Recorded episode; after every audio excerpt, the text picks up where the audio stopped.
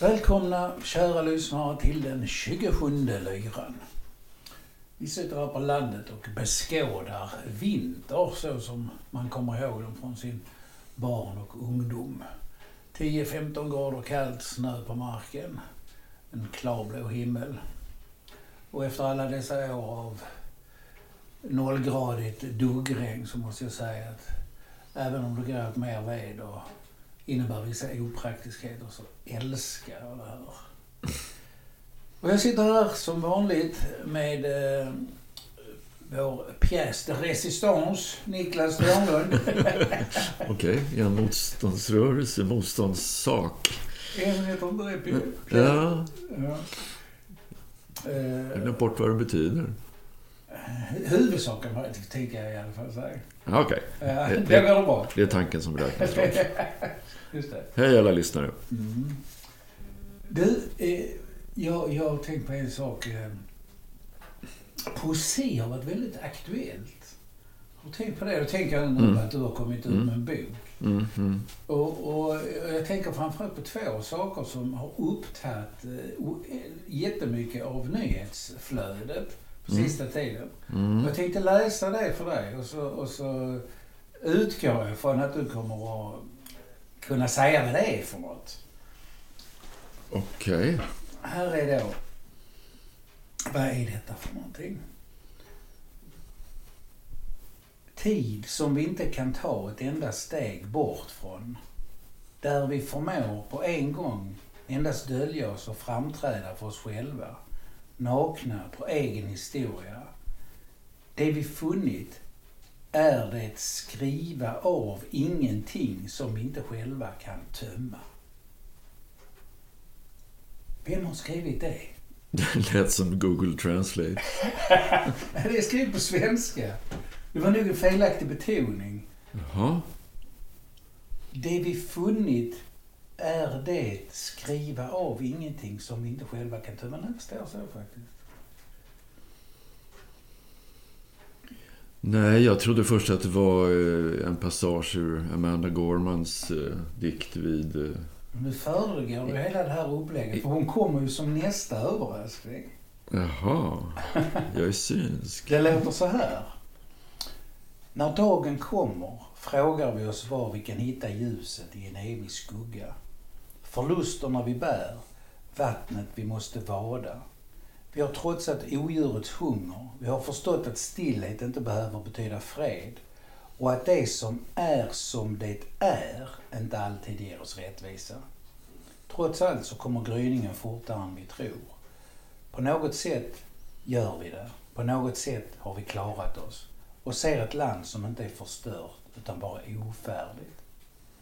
Vi är arvtagare till ett land och en tid där en mager svart flicka med slavar som förfäder och uppfostrad av en ensam mamma ändå kan drömma om att bli president men ser istället sig själv läsa sin dikt för en. Just det. Alltså den gissar du på fast jag inte var det, det var inte den jag läste. Nej, den första är, är mig oklar. Ja, men vad, om du tänker efter, vad har det hänt för stora saker?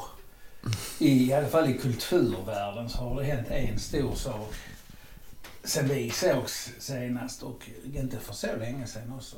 Som har upptagit alla kultursidors eh, energi och uppmärksamhet. Ja, om vi börjar på hemmaplan så är det ju en stor poet som har gått ur tiden. Strindberg?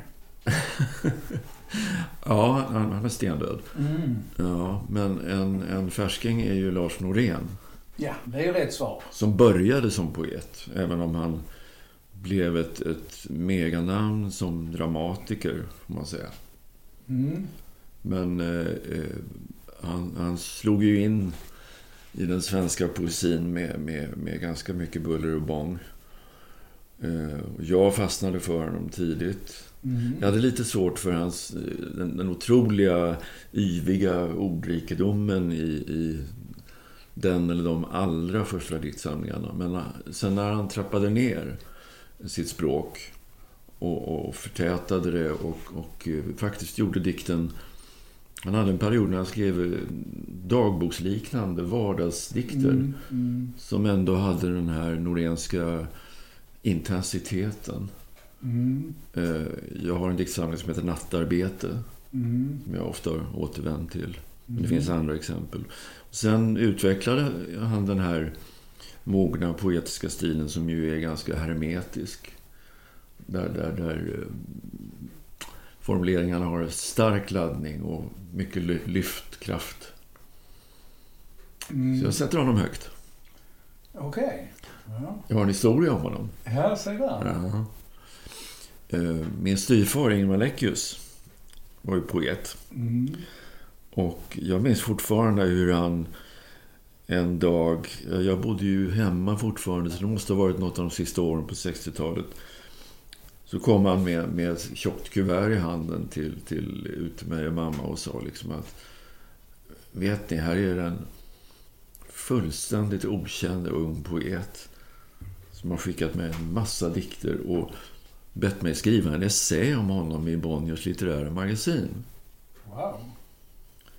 Och, och så såg man ju på Ingemar då att han tyckte det här var ju helt befängt. Han liksom skakade på huvudet. Och, Mm. ja, vi andra tyckte också det lät jättemärkligt.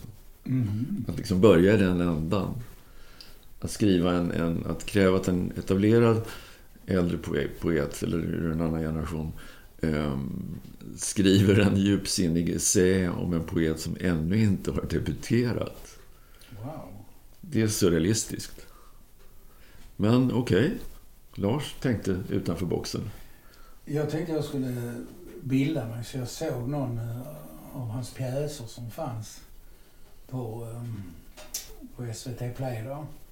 Eller jag gjorde inte det alltså, utan jag såg ju en kvart. Sen var det så tråkigt så att jag höll på liksom, detta, detta tycker folk är bra. Alltså detta anses som stor kultur. Några neurotiska kulturarbetare som inte kan lösa den enklaste konflikt liksom med att samtala varandra. Utan allting eskalerar och de bara Nej, herregud vilket... Alltså det var rena...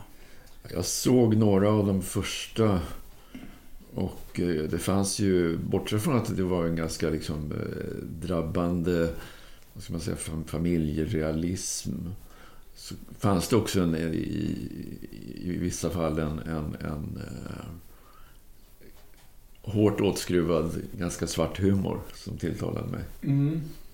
Det var bland annat därför jag bestämde mig för att se den här. För jag hade ju läst honom, honom nu när han avled. Och då var det ju många som hade framhållit att han var rolig. Så jag tänkte jag, Mm. jag ska titta på det här. Men jag, jag kan kan säga det att det är säkert han som har humor och jag som saknar. För jag skrattar inte i alla fall. Mm. någon överhuvudtaget. Någon.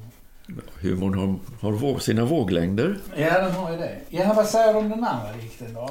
Jo, Amanda Gorman. Ja, alltså jag satt ju och- och tittade på, på eh, ceremonin eh, och, och blev så himla störd av att de tonade bort henne. De, de presenterade inte henne med namn eller någonting. va? Oj. Mm. Utan istället, när hon hade läst eh, någon minut så, så tonade de ner ljudet, lät det ligga kvar i bakgrunden. Och så kom en av, av deras korrespondenter, kommentatorer i bild. Va? Alltså det Och- var och- och svenskarna som gjorde så här med Ja, ja, ja, ja. Sveriges TV Ja. som behandlade på det sättet. Så det var först en kvart efter att hon hade avslutat sin läsning som, som eh, programledaren eh, berättade att ja, så hörde vi poeten eh, si och så, då, Gorman, hålla ett tal. Så uttrycktes det. Oj. Ja. Och det tog ett tag, det tog ett antal dagar innan jag eh, hade ro att söka upp texten i dess helhet. Mm. Och det gjorde jag och sen så plötsligt jag tittade på, på en ostörd, den Mm. ostörda uppläsningen på Youtube. Och jag måste säga att jag tycker det är en, en ypperlig tillfällesdikt. Mm. Framförd av, av en karismatisk person. Mm. Eh, med jättefin röst och så vidare. Mm. Så jag tycker att, att det var ju verkligen rätt dikt vid rätt tidpunkt på rätt plats. Ja, nu har ju din eh, boksamling här, diktsamling eh, Adlib varit ute två, tre månader va? Det kan nog stämma. Ja. Typ, ja, slutet av november, december, januari. Ja. Mm. Två, Jo. på väg mot två och en halv. Jag tänkte köpa en julklapp till några och gick in på Akademibokhandeln men det gick inte att handla några där då i alla fall. Fast de hade den. Det var rätt intressant upplevelse. Jag frågade efter den med någon ung person som inte verkade riktigt förstå var hon jobbade. Men eh, då kom där en äldre som definitivt förstod var hon jobbade och sa eh, men menar du denna boken, sa hon. Och så gick hon in i något litet förråd och så kom hon ut med boken. Och så sa jag, ja Mm. den, den kan Mm. jag köpa, sa jag. Nej, den kan du inte köpa, sa hon. Jag sa, varför kan jag inte köpa den? Så. Nej, för att vi ska beställa... Då hade hon någon sorts eh, kafkaansk förklaring varför jag inte kunde köpa boken hon hade i handen. Den var inte inlagd i systemet. Ja, det var det nog. Det var något med systemet. Då, och då såg den här yngre tjejen ut jätteglad. Hon som tittade i sin dator hela tiden. Då fick hon lite rätt på något sätt. Så att, Ja, eh, det, det är ju moment 22 liksom. Ja. Så tills vidare så förvarade de den i giftskåpet. Kanske. Men nu finns den. Ja, jag var inne häromdagen faktiskt. Alltså, man vill ju inte liksom springa och rycka dem i ärmen. Liksom. Men jag var faktiskt inne och tittade. Och, jo, ett exemplar stod i lyrikhyllan. Ett Fine, exemplar. ett exemplar. Mm. Men den var liksom inte framlyft och stod på ett ställ och sånt där. Och, och Mm. det är synd, för det är en... Om inte annat så är omslaget jättesnyggt. Ja, ja, om inte annat så är omslaget jättesnyggt. Det håller jag Mm. med om. Jag tycker där finns lite bra dikter också. Men, En och annan. ja, ja. Så att, eh, ja, och sen har du haft någon recension av en eh, musikkritiker i, i Sydsvenskan, säger jag. Ja, jag blev själaglad när Sydsvenskan äntligen kom loss på dagen två månader efter utgivningen. Eh, Jag inser nu i backspegeln att jag har varit otroligt bortskämd med att få första dags recensioner i många tidningar. Inte minst då det lokala liv och husorganet där jag själv har medverkat my- mycket. Eh, Men även i, i större tidningar i rikspressen. Eh, Men nu sitter det väldigt långt in och jag förstår inte riktigt varför. Min kära revisor som själv har drivit bokhandel i många år och kan branschen eh, säger, ja men Niklas, det var 17 år sedan du gav, gav ut en bok sist. Va? Det är en helt ny generation på redaktionerna. De har inte en susning om vem du är. Mm. Ja, värt att begrunda. Obildning som ett argument. Ja, Men vi är ju ändå så moderna, har en podd och allting. exakt, exakt. Ja, Va? herregud, man Mm. kan inte vara mer i sin tid. Vi ligger i framkanten. Ja. Mm. Och 200 människor som lyssnar på den varje gång i stort sett. Det är helt underbart. Över, överraskningen var ju att den blev recenserad inte av en litteraturrecensent Nej. utan av den, den eh, ypperlige musikkritikern Tobias Lund. Mm. Och eh, jag blev lite överrumplad, men jag blev, ty tyckte det kändes spännande att läsa hans reflektioner. Men det var, så att säga, verkligen reflektioner. Det var inte en recension. Och, och när jag tänker på det nu idag så tänker jag att ja, men det fanns ju, en- det finns ju en ödmjukhet i det. Va? Att han inte spelar litteraturkritiker och låtsas kunna Mm. recensera min, min diktsamling som en bok. Utan han, han eh, går in i min bok och, och tar till sig eh, he, liksom mötet mellan poesi och musik. Och sen så kommer han med sina funderingar och reaktioner kring det. Mm. Så på det sättet var, var det en, en eh, väldigt originell Mm. artikel. Mm. eller krönika eller reflektion. Mm. Rubriken var väldigt positiv. Och avrundningen var eh, fin och den innehöll en fin metafor också faktiskt. För att komma från en musikkritiker. För han skrev att, att eh, det här var liksom i... Det här är texter i, tre, i treriks, eh, treriksgränsen. Mellan poesi och musik och någonting till som undflyr mig i just detta ögonblick. Mm. Vad det nu kan ha varit. Ja, det kan man undra. Ja, ja. Det var en fin bild. Ja. Boken har ju en fin bild och bilden och omslaget var ju faktiskt Ja. återgivet ja, det var roligt. I, i färg, alltså. Mm. Det var... Det är en eloge åt konstnären Carl Gustafsson som har gjort den Mm. underbara målningen. Mm. Och som också är en älskare av klassisk musik. Mm. Men han, den här eh, musikrecensenten, han kommenterade inte det faktumet eh, som jag vet att både du och förlaget var så nöjda med att ni hade den här QR-koden som man kunde kan strömma all musiken samtidigt som man lyssnar med sin telefon. Ja, det finns ju... Det var en- lite lustigt att det inte gjorde för det. Jag kan tänka mig det är så vanligt. Nej, men det stod ju på, på kolofonsidan, alltså tryckdatasidan. Va? Och den, den bläddrar man kanske snabbt förbi. Liksom. Mm, ja, det kan ha varit det. Med anledning av detta tycker jag vi lyssnar på skådespelerskan, författarinnan och sångerskan Martina Brandl när hon sjunger Ich lass mir en QR-kod auf Arsch tatuieren. Jag kommer att tatuera min stjärt med en QR-kod.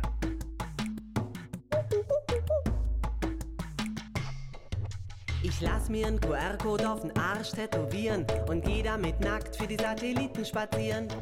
Wenn ich ihn mir dann auf Google S ansehe, ist er sicher schon gescannt von der NSE. Und der Link geht dann auf www.arschderwelt.de. Alles wird gepostet, alles wird geteilt. Halt dein Handy ran, dann wirst du verlinkt. Zieh's dir rein auf YouTube, gib mir ein Like, dann siehst du, wie mein Hintern dir auf Facebook winkt. Ich hab keine Zeit, meine Mutter zu besuchen. Ich schreib lieber einen Blog über Butterkuchen. Statt dass ich einen russischen Kuchen zupf, schick ich hier eine Suchanfrage über Google Hupf. Backen, backen, backen, backen.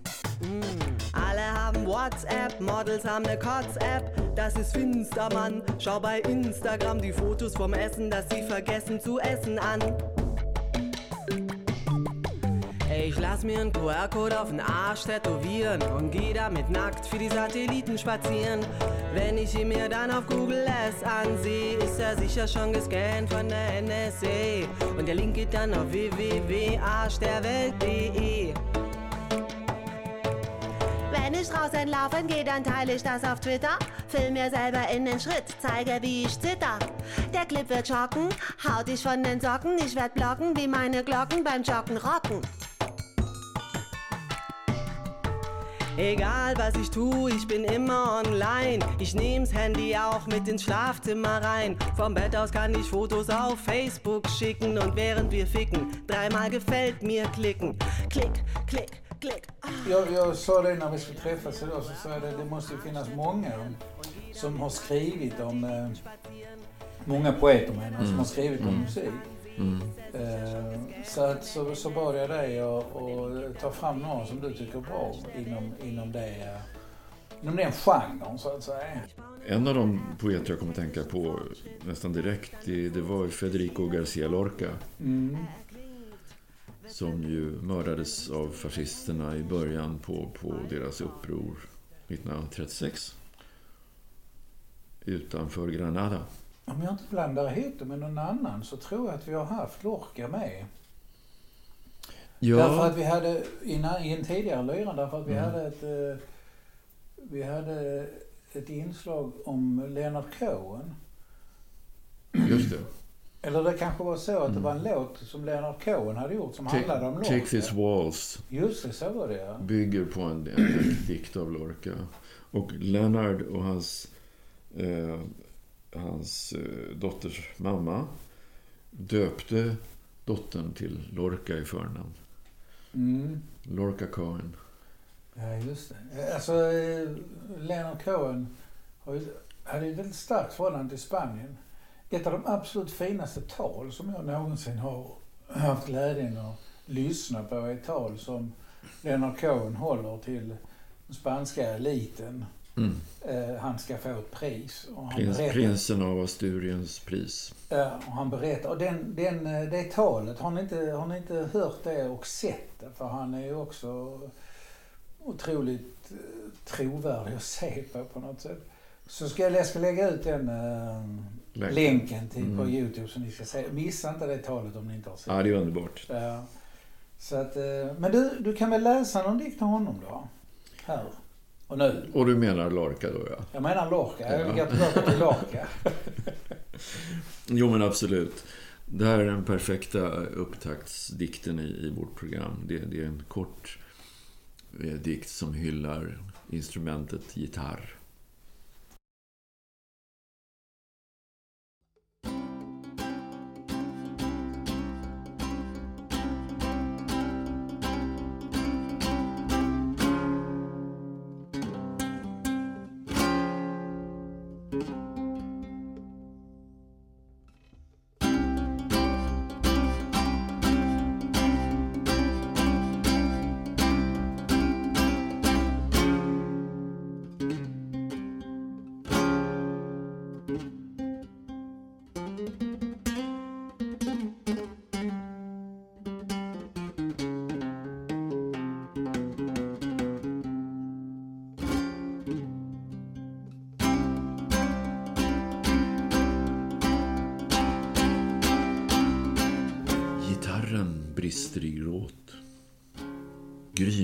Bägare krossas.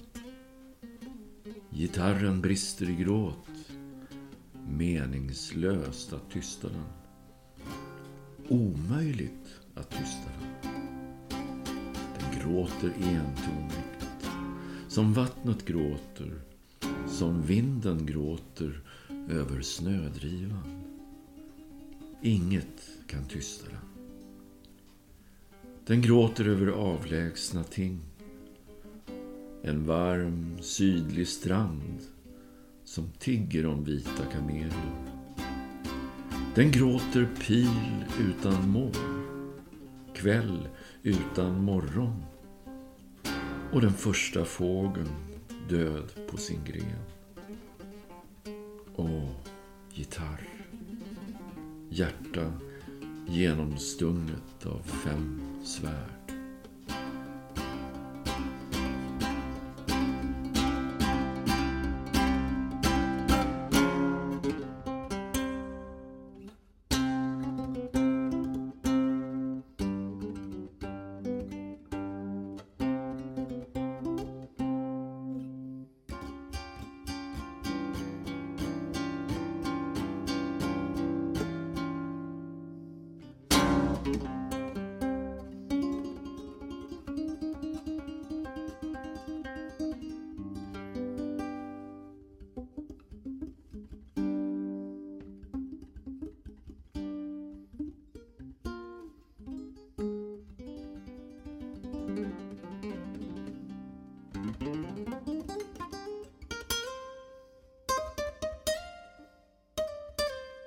Då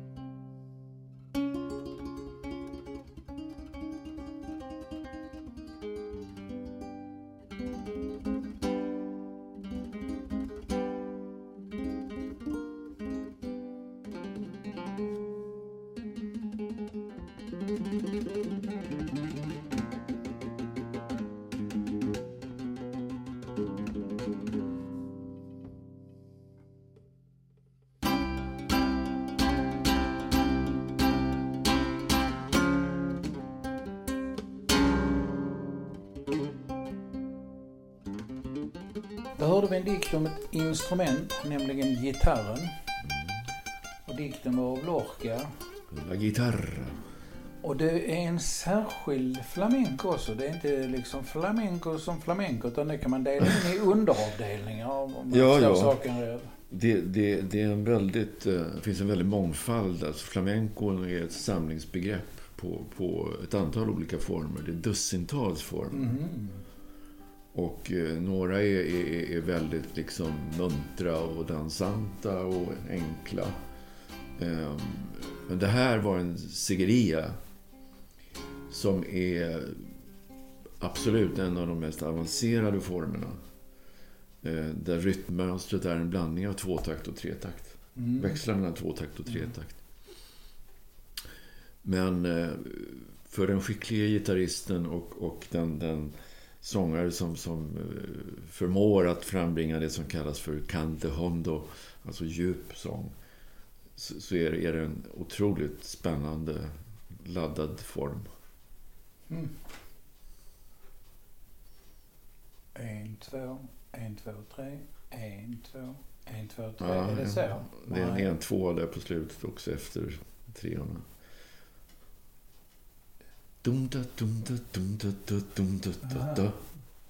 Och eh, flamencon är ju, bygger ju mycket på im- improvisation. Mm. Och den är ju väldigt eh, påverkad av andra skalor än de, de rena enkla dur och mollskalorna. Det finns ju nå- någonting exotiskt, någonting halvorientaliskt. Mm. Alltså, den har ju en, en förankring bland, bland romerna. Mm. Så att det, det, den, flamencon är en, en otroligt intressant musikform. Som jag sätter lika, personligen sätter lika högt som bluesen. Mm. Från gitarr till piano. Eller piano, piano. Jag tänker att eh, i alla fall en dikt skriven av en pianist väl. Även om han är mest känd som poet. Så har jag för mig Tranströmer Mm, absolut. spelade piano på en ganska hög nivå. Ja, det gjorde han. Och han, han fick ju verk tillägnat sig av, av, av kända kompositörer. Och även efter sin, sin massiva stroke, när han var halvsidigt förlamad, så spelade han stycken för vänsterhanden. Mm. Det gjorde han bland annat när han gästade vår litteraturbar i Lund. Mm. Och det var ju en högtidsstund och stora salen var, var ju packad med folk. Och ja, folk var väldigt rörda. Han gick fram där till, till flygen och, och med sin käpp och ställde ifrån sig käppen, lutade mot väggen och så spelade han ett underbart stycke. Med den äran. Mm. Så eh, det finns en hel repertoar för, för vänsterhandspiano faktiskt. Mm. Var han på litteraturbaren innan eller efter han fick Nobelpriset? Innan förstås. Ja. Sen blev det omöjligt, eller vadå? Nej, ja, det vill jag inte säga. Nej då, jag bara menar att... att ja, vi har ju alltid satt en ära i att spåra upp eh, stora talanger. Ja, det är det. Ja, Han vill ju gärna hjälpa Ja. folk på traven liksom. ja lite så. Lite Ja. så. Nej, men jag hade samarbetat med Thomas några gånger och, och eh, han, han fortsatte ju att framträda även under sin sjukdom. Men han kunde ju inte framföra sina dikter. Så att när han skulle besöka Lund eh, som gäst hos eh, föreningen Norden var det. Så, så blev jag uppringd och tillfrågad om jag kunde ställa upp som, och, och, och läsa hans dikter. Och vi fick jättefin kontakt. Och, och jag gjorde det säkert två gånger till i andra sammanhang. Bland annat på Akademiska föreningen och studentafton. Och eh, ja, till historien hör att, att min biologiska far Sven drabbades av precis samma sak som Thomas. Jag, jag, att, att möta, för mig att möta Thomas det var som att möta min pappa. Mm. Det var, det var en, inte ett dugg eh, konstigt liksom. Jag förstod precis hur han eh, funkade. Mm. Och han hade ju humorn kvar. Mm. Glimten i ögat. Och hans fru Monica var fantastisk på att, på att eh, inlevelsefullt eh, tolka vad han tyckte och ville ha sagt. Mm. Hans aktiva ordförråd var mycket begränsat. Mm. Så är det hans humor som har gjort att han har skrivit eh, poesi för att hylla norrmannen Grieg. Ja, det finns en, en munterhet som går igen i Tranströmers verk. Och jag tänker ofta på det som att han, hans poesi blev mer och mer lekfull och avspänd med åren. Mm. Inte minst, minst i hans prosadikter.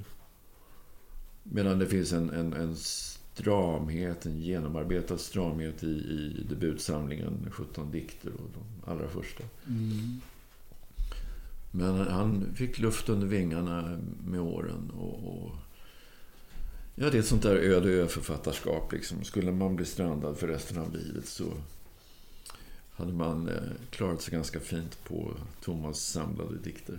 Så pass alltså? Ja, det Ja. tycker jag. Det tycker Ja, jag. men du kan väl, han har skrivit en dikt här till, eh, till Grieg. Edvard Grieg, ja. Ja, så vi kan väl höra på den och så får vi då spela lite Grieg eh, Den, stora, det såklart. Och, den, den store norske komponisten som icke var så biologiskt stor. Det var han kanske inte? Nej, Nej. han var, var liten. Ja, ja. Han var liten han. En konstnär i norr. Jag, Edvard Grieg, rörde mig som en fri man bland människor. Jag skämtade flitigt, läste aviserna, reste och for. Jag ledde orkestern. Auditoriet med sina lampor darrade i triumf som tågfärjan just när den lägger till. Jag har dragit mig hit upp för att stångas med tystnaden. Min arbetsstuga är liten. Flygeln har det lika skavande trångt där inne som svalan under tegelpannan. De vackra, branta sluttningarna tiger för det mesta. Det finns ingen passage, men det finns en lucka som öppnas ibland och ett märkvärdigt sipprande ljus direkt från trollen. Reducera. Och hammarslagen i berget kom, kom, kom, kom in en vårnatt i vårt rum förklädda till hjärtats slag. Året innan jag dör ska jag sända ut fyra salmer för att spåra upp Gud. Men det börjar här. En sång om det som är nära. Det som är nära. Slagfält inom oss där vi, dödas ben, slåss för att bli levande.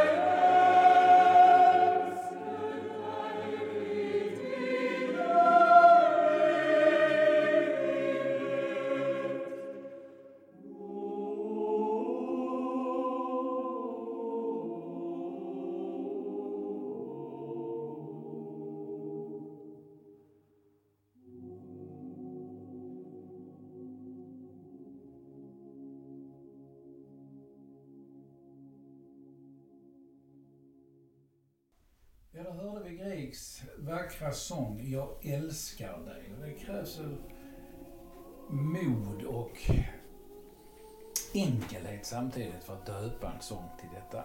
Mm. Ehm, Jag vet inte vad man ska kalla eh, den här kören som sjunger det då, vad, vad, de, vad som har legat bakom att de döpte sig till den norska studentsångarföreningen. För det är väldigt exakt. En hederlig eh, varubeskrivning. Ja, får man säga. Ja. Ja. Nej, men det finns ju en, en underbar historia bakom den här låten. Eh, det är ju en dikt av H.C. Andersen. Som han skriver till, till sitt livs kärlek. Sitt livs obesvarade, ack, kärlek. Jenny Lind. Den, den svenska superstjärnan som tog världen med storm. Och vars röst tyvärr inte finns bevarad. Tänk höra Jenny Lind. Mm. Ja. Det kan man inte göra, men Nej, nyligen gjordes en jättefin P2-dokumentär om henne Mm. som säkert finns på jag hörde på, den på och det var det jag tänkte. Gud, Ja. alltså, tänk Ja. få höra henne sjunga. Men det finns ju en, en, en sorts eh, tragisk poesi i det faktum att, att hennes röst har klingat ut. Mm. Men ändå så, så har den gett så, så många långa efterdyningar. Mm. Det är som att, att eh, den inspirerande kraften i hennes röst lever kvar.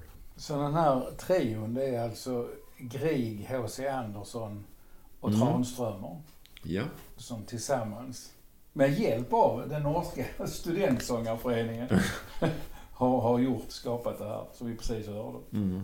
så Andersen och, och Grieg var, var personliga vänner. Mm.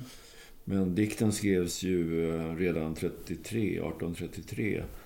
Och den här tonsättningen är från 1864 och den, den är ju, framförs ju vanligen som, som solistnummer. Mm. Jag tror det är för, för röst och piano helt enkelt. Mm. Men, men här hörde vi då ett, ett jättefint körarrangemang som vi, du och jag tände på direkt. När vi, Mm, de passar väldigt bra för Mm. körarrangemang. Ja, fint. Lite, lite storslagen norsk naturfödelse. Mm.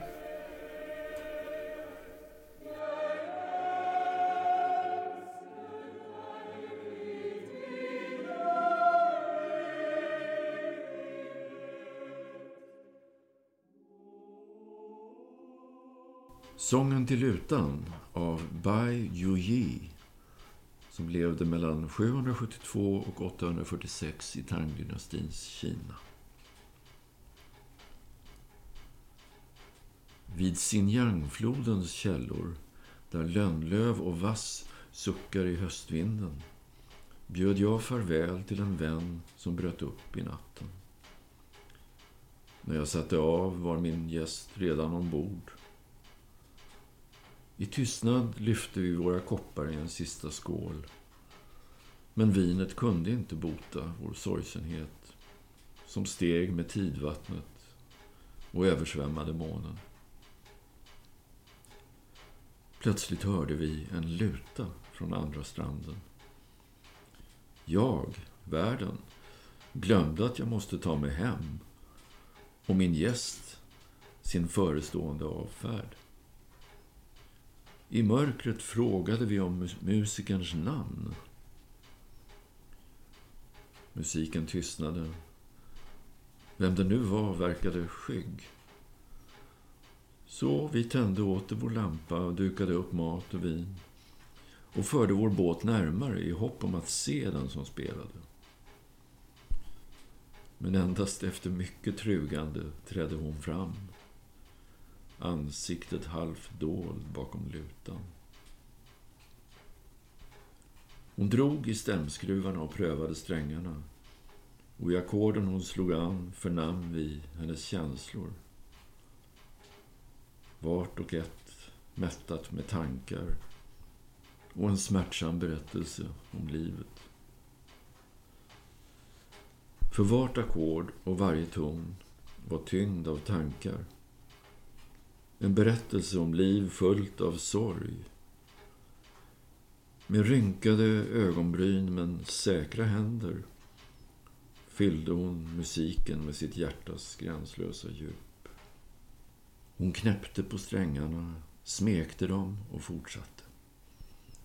Durackorden hummande som hällande regn. Mollackorden viskade hemligheter. En underbar blandning. Tinglandet av pärlor på en jade-platta. Som näktergalens toner dold bland blommor. Som klangen av en bäck vars vatten rusade runt fåran. En kall klang frös plötsligt musiken. Och i tystnaden förnam vi hennes innersta smärta. Stillheten berättade mer än musiken. Inga främlingar finns vid världens horisont.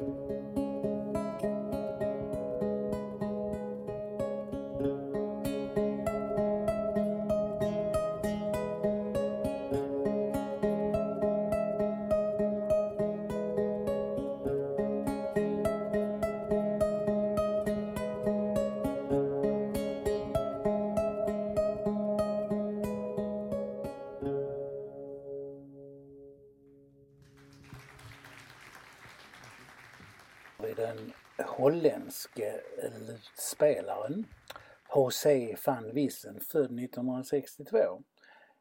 Eh, det är filmmusik det här ur eh, en vampyrfilm av Jim Jarmusch som heter Only Lovers Left Alive.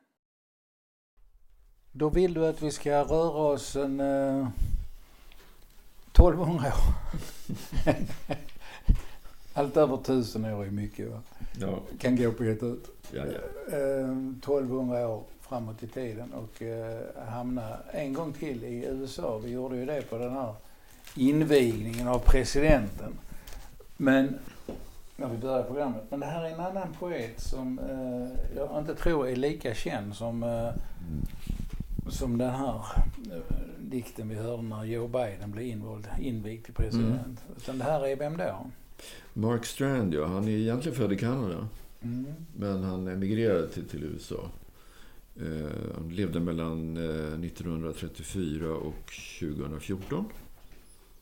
Och är en av mina absoluta amerikanska favoritpoeter. Mm.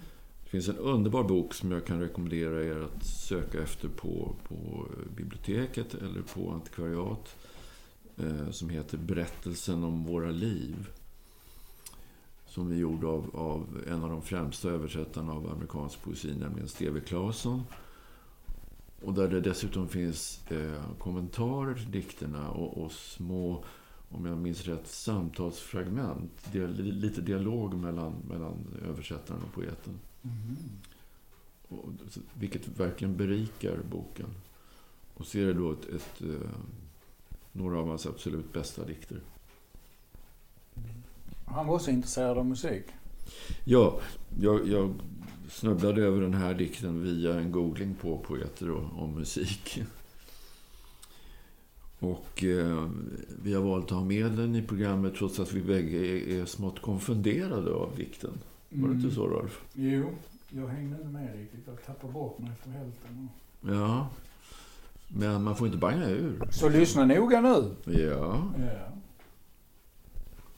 Musikens dagliga trolldom. Ett strävt ljud polerades tills det blev ett mjukare ljud som polerades tills det blev musik. Sedan polerades musiken tills den blev minnet av en kväll i Venedig när havets tårar föll från suckarnas bro vilket i sin tur polerades tills det upphörde att existera och i dess ställe reste sig ett plågat hjärtas tomma hem. Sedan lyste solen plötsligt och musiken återvände och trafiken var i rörelse. Och längre bort, där staden upphörde, dök en molnfront upp och åska hördes. Vilken, om än hotfull, skulle bli till musik och minnet av vad som hände efter Venedig skulle framträda. Liksom av det som hände efter det att det plågade hjärtats hem brast i tur.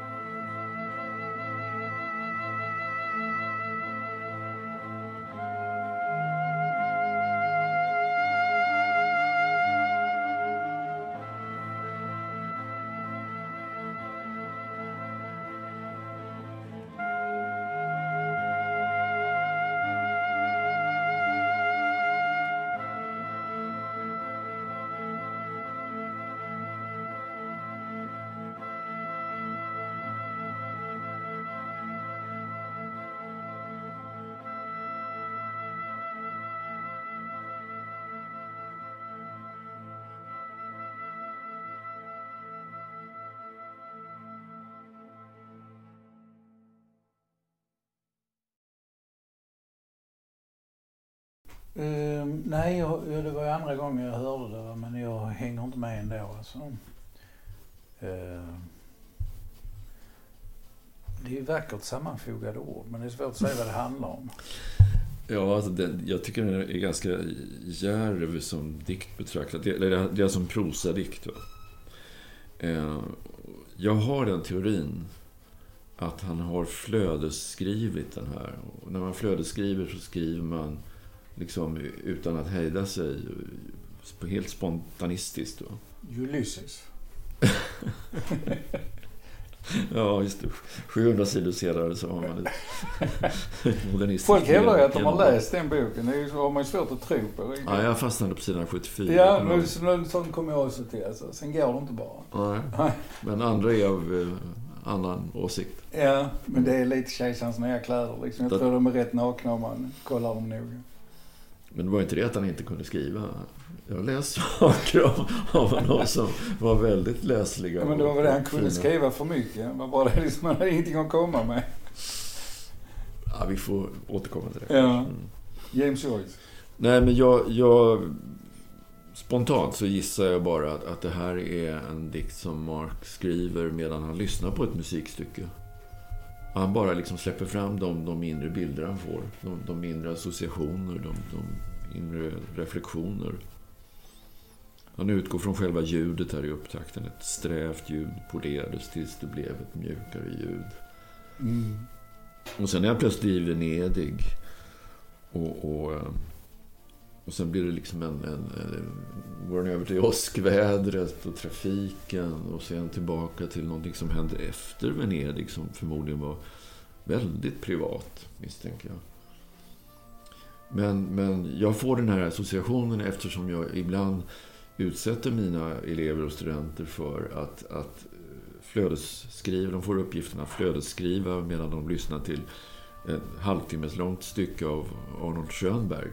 Mm. Som heter Förklarade natt, Förklärte natt. Mm. Och då är det ju en, en kille på, på folkhögskolan i Nässjö här om månaden beskrev det som att han hamnade i en trans. Mm. Och när han vaknade morgonen efter det här skrivandet och tittade på det han hade åstadkommit så kände han inte igen det. Han förstod inte att han hade skrivit det. Wow, så underbart. Så att min teori är att det här är Mark Strands mikrotrans. Ja, ja men det kan man väl tänka sig. Uh, nej, han får, han, får, han får klara sig bäst han kan i sin himmel. Däremot musiken som ackompanjerar det här, den här dikten. Det är ju Philip Glass. Mm. Han är också amerikan. Ja. Och eh, så allt dåligt, allt är inte dåligt som finns i USA. Philip Glass till exempel, nej, Philip, nej. Glass till exempel är riktigt för mig en, en av de absolut största kompositörerna genom alla tider. Och det mm. finns ju också författare från USA som är bra. Jag har ju några exempel här på min lilla lapp. Här, här till exempel Kurt Vonnegut. En annan, oh. kanske inte poet dock, men eh, författare åtminstone. Ja, nog så förtätade sina formuleringar ibland. Mm. Han säger så här om eh, musik. Om jag någon gång, Gud förbjude, skulle dö, så låt det här bli min epitaf. Det enda bevis han behövde för att Gud existerade var musik. Är. Amen. Och sen har vi Jack Kerouac. uh, the only truth is music. Det är, det är rätt så... Uh, det är rätt intressant. Musik och sport har ju de det gemensamt. Att, att det låter som det låter. Även om du sitter i en studio och har all världens eh, liksom, tillgång till apparater som kan så måste du, du, du kan inte få apparaterna att göra någonting som du inte vill att de ska göra. Liksom. Mm. Mm. Så det, är, det finns någon sorts sanningsvärde i musik som knappt finns någon annanstans. Men i sport finns det också. Man kan visserligen dopa sig lite och man kan ha någon korrupt domare. Men i stort sett så är det man ser är liksom sanningen när man ser en match eller en idrottstävlingar och så. Så bägge saker är sanningens ögonblick, så att Ja, säga. Sanningens tyck- samlade ögonblick. Ja, jag tror det är ett av skälen till att folk eh, gillar det så mycket. Det, detta händer just nu det, kan, det ser ut så här. Liksom. Det är verkligheten som pågår liksom, just nu. Och det gillar vi som människor tror jag. Mm. Okej. Mm. Återigen en förtätning då. Mm. Och att det liksom blir eh, ovedersägligt. Mm. Vi tycker om det ovedersägliga. Vi tycker om Mm. sanningen och vi vantrivs i den här, i den här, eh, tror jag i alla fall, som har blivit nu då, att det finns hur mycket sanningar om allting liksom. Och alla, alla människor hävdar saker Ja, om olika saker. Ingen vet sant. snart vad som är sant eller inte sant. men det finns en hel sanningsbörs liksom. Ja, Där olika påståenden och teorier eh, har ett värde som stiger och faller. Och Ja. folk satsar på olika aktier. ja. Så det enda, man, det enda man kan hoppas på det är liksom att man fortsätter att veta vad som är ens egen sanning. Jag tänkte på det häromdagen. Man brukar ofta ställa, man brukar ofta se den frågan, vad är meningen med livet? Det är en rätt vanlig filosofisk fråga. Man ställer sig, vad är meningen med livet? Låter vagt bekant. Ja. Ja, det låter bra bekant. Så kom jag på eh, när jag gick där och eldade, vilket man får göra mycket, att den frågan är helt meningslös. Alltså den, är, den, den, den meningsfulla frågan, det är vad är meningen med ditt liv? Mm. Mm. Mm. Du måste ställa den till dig själv. Mm. Varje måste, människa måste ställa den frågan Mm. till sig själv. Vad är meningen med ditt liv? Varför ska just du leva? Mitt ödmjuka svar till detta är tystnad. Jag behöver ju också säga att det vi hörde av Philip Glass, det var Facades från 1981. Ursprungligen tänkt faktiskt att vara med i Cornianis Taxi som kanske är Philip Glass mest kända verk. Jag har länge tänkt på USA som att det finns det bästa och det sämsta på något sätt som Mm. finns i, i världen. Och en, en som tillhör kategorin de bästa, det skulle jag vilja säga, det är Mark Twain. Eh, och han har också uttalat sig om musik och då specifikt om Wagner. Han säger nämligen så här. Wagners musik är bättre än den låter. Och det är ju det är en äkta hu- humorist som kan få till det på det sättet. Alltså med en sån paradox. Ja. Den är djupsinnig också tycker jag därför att det är ju, alltså, det är ju rätt många människor, särskilt bland intellektuella och kulturarbetare och så, som lyssnar på den musik och framhåller musik som är som man ska tycka om och som baktalar eller Mm, föraktar mm, mm. liksom folklig musik. eh, Som i mina öron kan vara mycket intressantare många gånger. Va? Eh, Och Wagner är väl en sån. eh, Som man, honom ska man tycka om. Eh, ja. Så vad Mark vill säga då är väl till, till, till, folk, eller som de som lä- läser honom, att, att det är att eh, ge Wagner en chans. Ja, det kan man ju säga. Ja. Mm. Det låter kanske lite tungt eller väldigt eller lite övermäktigt, men, men uh, Lyssna en gång till. he's okay. Good old Wagner. Är Ja. de jämn, är de, är, lever de samtidigt, Mark Twain och Wagner? Typ, va? Typ, kan man Ja. säga. Ish. Ja. Ja. Sekelskiftet 1800-1900-tal liksom. ja. Något sånt. Vi kan kolla det, men det kan ni också, för ni har också internet, kära lyssnare. Ja. Mm. Men en som eh, verkligen tog Wagner på, på stort allvar, som drabbades av Wagner, Mm. det var den franska poeten Charles Baudelaire. Mm. Som ju är en av de verkligt tidiga poetiska modernisterna. Och, och en av så att säga upphovspersonerna bakom eh, prosalyriken. Mm. Och eh, i sina vanliga strofiska dikter så är han ofta väldigt förtätad. Och, eh, så jag, jag blir lite överraskad över att han, han eh, beskriver mötet med Wagners musik som en personlig uppenbarelse. Och han är så tagen så att han bestämmer sig för att skriva ett personligt brev till, till uh, Richard. Vad är det som gör att du, att du tänker dig att uh, han inte skulle tycka om Wagner? Nej, det är, det är väl för att uh, Wagner har ju en, en ja, nu uttrycker jag mig väldigt enkelt. Uh, han har ju en dragning till, till det väldiga och till det bombastiska. Mm. Stundtals bombastiska. Mm. Uh, medan Charles är ju liksom mycket mer underskruvad. Mm. Och framförallt väldigt, väldigt okonventionell. Och liksom, det finns ingen... Alltså, tematiskt så, så kan jag inte se någon koppling alls. Liksom. Mm. Wagner var ju liksom han var inne på de germanska myterna och så vidare. Mm. Medan eh, Charles var ju bohem, provokativ bohem ut i tåspetsarna. Liksom. Mm. Absint. Ja. ja, ja, ja, ja, ja, visst. Va. Men, men eh, det var roligt att hitta det här brevet i varje fall. Och det finns med i hans samlade brev. Så att han sparade det ju. Men, men eh,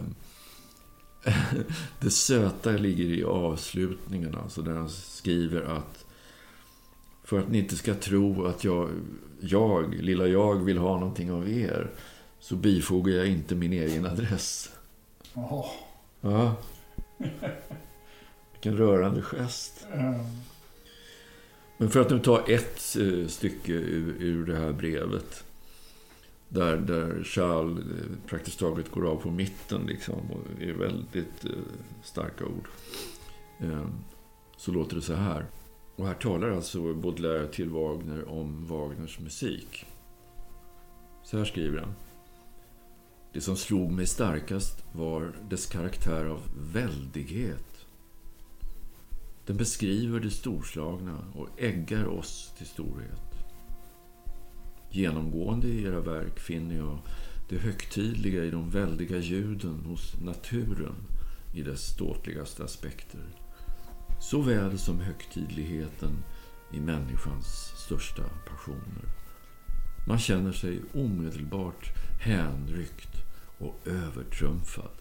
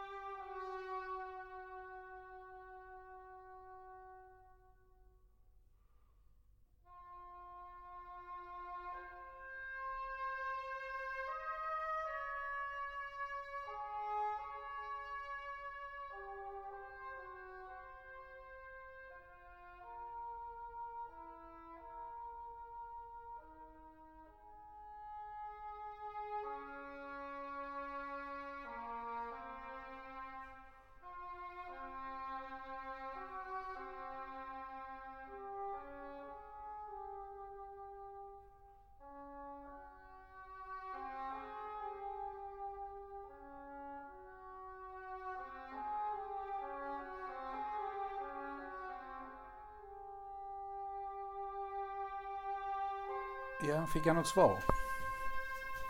Nej, Wagner hade ju inte hans adress.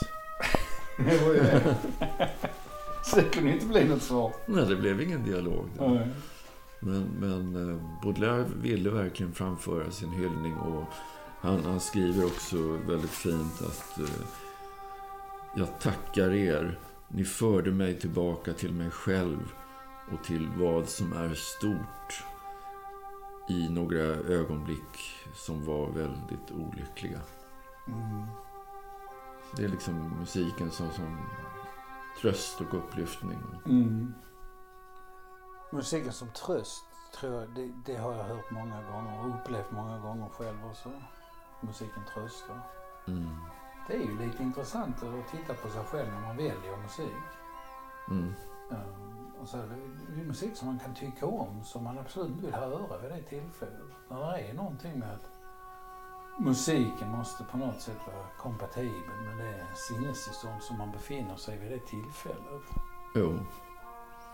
Eller så sätter man på P2 och överlämnar sig åt, åt, åt programläggarens Ja, eh, urval. Mm. Och nu har vi hållit på i en timme och 20 minuter fast vi har sagt så lite. Det är konstigt. Hur långa våra program blir. The story of our life. Ja. Vi måste ju också säga att det vi hör av Wagner det är ur Tristan och Isolde. Preludiet till akt 3. Och eh, det här är då för att vara lite mer exakt skrivet 1864. Så att, eh, vi tackar så mycket för er uppmärksamhet. Vi hoppas att ni har haft en bra stund de här en Mm. timme och 20 minuterna med oss. Skriv gärna till oss på, det finns ju en Facebook-sida. Det är kul när ni skriver någon kommentar. Ja, det är väldigt uppskattat. Mm. Så att vi är jätteglada för att ni har varit med oss den här stunden. Och eh, vi hoppas att vi träffas igen helt enkelt. Ja. Och eh, i dessa tider ska vi inte bara hålla avstånd utan även värna om närheten. Den närhet som kan uppstå när man lyssnar till varandra, till varandras röster.